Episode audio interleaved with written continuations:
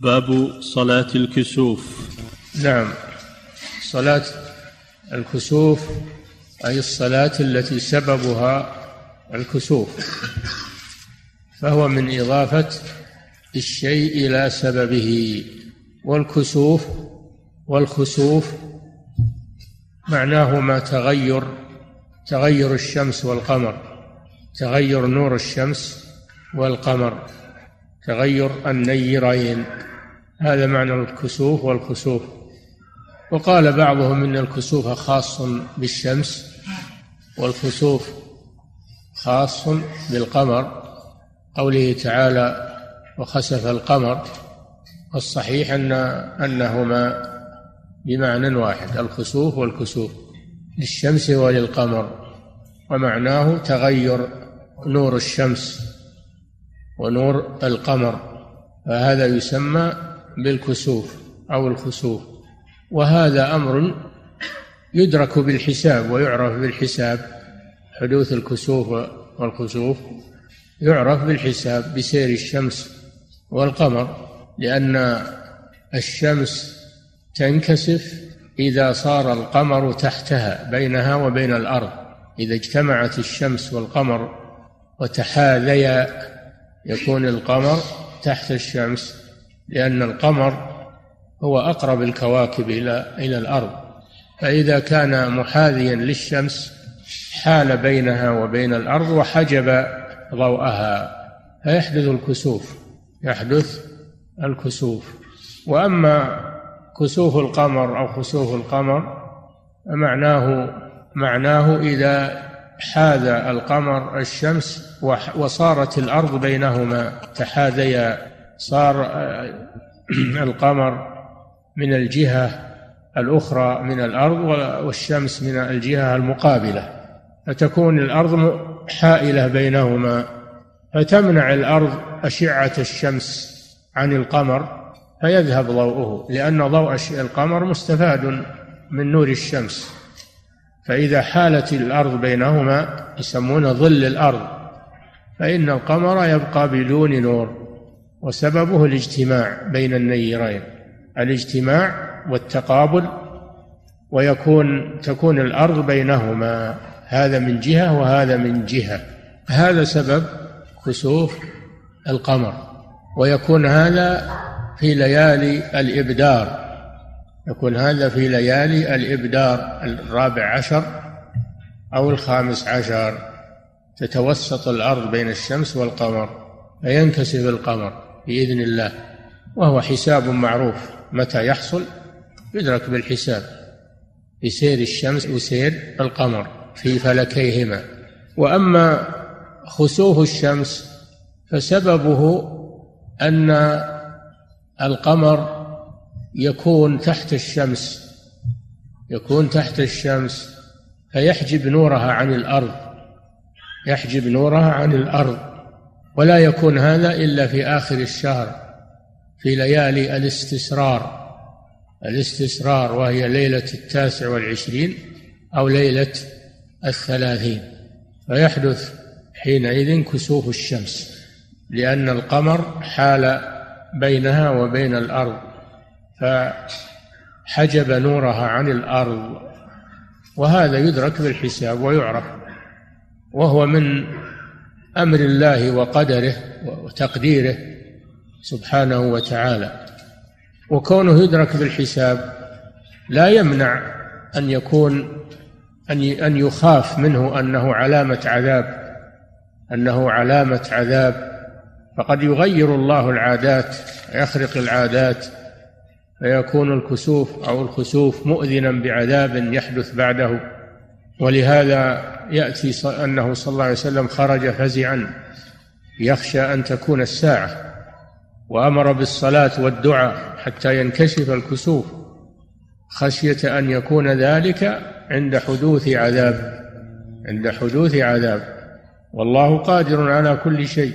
وإن كان هذا يدرك بالحساب ويعرف وقته إلا أنه لا يمنع أن يحدث عنده عذاب من الله سبحانه وتعالى. فلا إشكال بين الأمرين أنه يدرك بالحساب وأنه يخاف أن يكون عند حدوث عذاب من الله سبحانه وتعالى. إن الله قادر على كل شيء.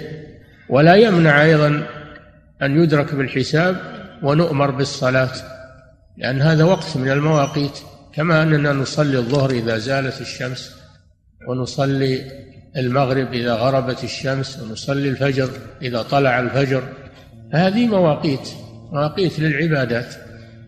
منها أنه إذا حصل الكسوف يؤمر بصلاة الكسوف كما يؤمر بصلاة الفريضة عند عند الغروب عند غروب الشمس وعند يعني بعد غروب الشمس وبعد طلوع الفجر وبعد زوال الشمس. هذه مواقيت للعبادات. من المعلوم أن زوال الشمس يدرك ويعرف بالحساب وأن غروبها يعرف بالحساب وأن طلوع الفجر يعرف بالحساب. ومع هذا أمرنا الله بالصلاة في هذه المواقيت. كذلك في مسألة الكسوف يدرك بالحساب. والله أمرنا أن نصلي في هذا الوقت. فلا إشكال بين كون يدرك بالحساب وكونه تشرع الصلاة والدعاء عنده. ولكن ما كان أهل الحساب يعلنون هذا للناس قبل حدوثه هم يعرفونه من قديم ويدرك بالحساب كما قال شيخ الإسلام ابن تيمية.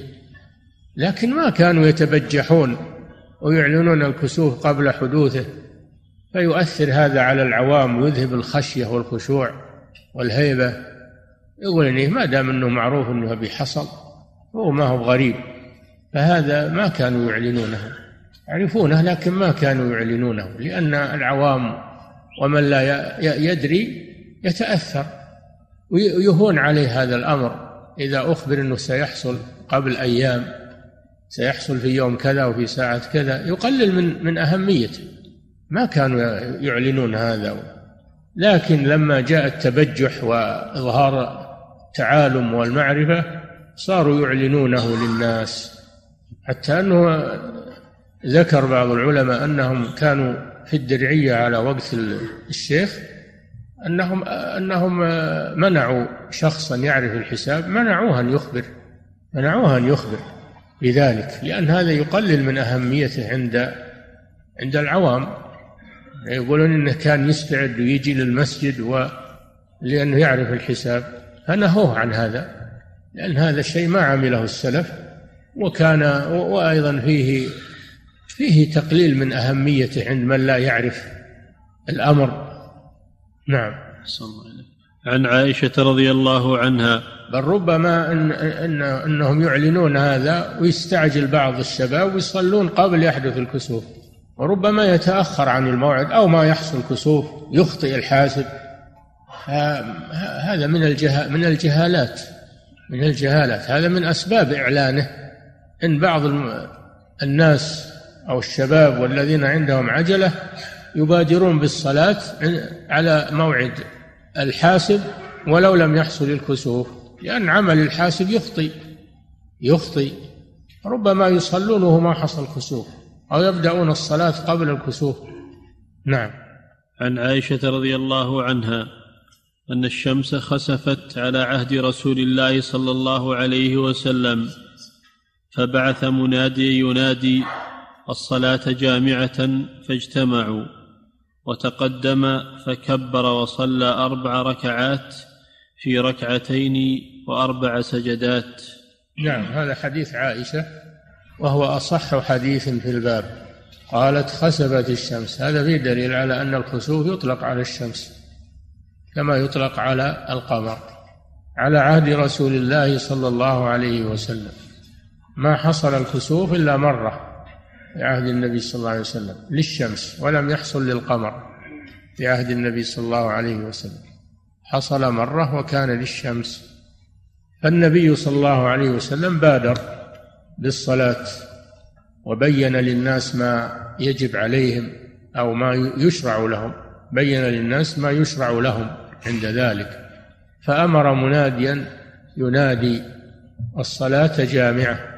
هذا فيه دليل على أن صلاة الكسوف ينادى لها وأنها تشرع جماعة تشرع جماعة في المسجد فهي من النوافل التي تشرع لها الجماعة وينادى لها.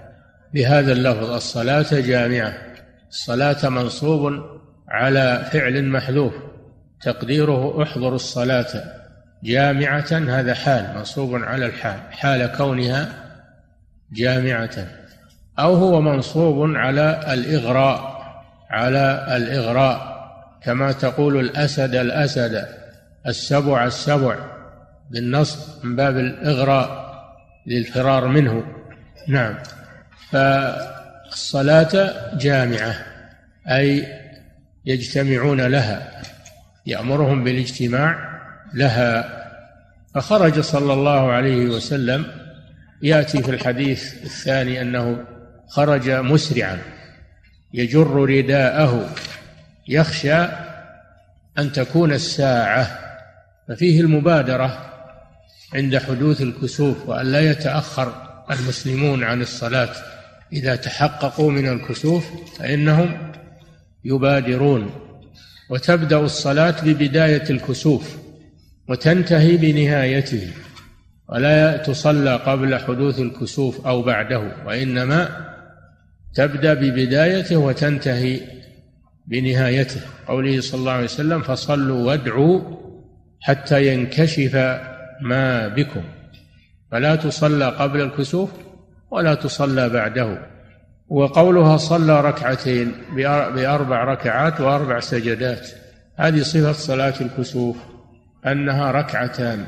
كل ركعة فيها ركوعان وفيها سجدتان. كل ركعة فيها ركوعان وفيها سجدتان. فيكون المجموع أربع ركوعات وأربع سجدات في ركعتين. هذه صفة صلاة الكسوف. فيكبر تكبيرة الإحرام ثم يستفتح ثم يقرأ سورة الفاتحة جهرية ثم يقرأ بعدها سورة كاملة سورة طويلة. يقرأ بعدها قراءة طويلة. حتى جاء في الحديث أنها نحو من قراءة سورة البقرة أو نحو من مئة آية. فيطيل القراءة ثم يركع ركوعا طويلا نحو من قيامه. ثم يرفع ويقول سمع الله لمن حمده ربنا ولك الحمد إلى آخره. ثم يقرأ الفاتحة ثم يقرأ بعدها قراءة طويلة لكنها أقل من القراءة الأولى ثم يركع ركوعا طويلا لكنه أقل من الركوع الأول. ثم يسجد سجودا طويلا نحوا من قيامه ثم يجلس ويقول رب اغفر لي كما في الصلاة الأخرى. ثم يسجد سجود سجودا طويلا ثم يصلي الثانية كالأولى إلا أنها أقل منها أقل منها في القيام وفي الركوعات وفي السجودات. هذه صفة صلاة الكسوف أخذا من سنة النبي صلى الله عليه وسلم العملية. فصلاة الكسوف ثابتة بالسنة العملية والسنة القولية. السنة العملية أنه صلى بالناس والسنة القولية أنه قال للناس صلوا. وادعوا حتى ينكشف ما بكم. نعم.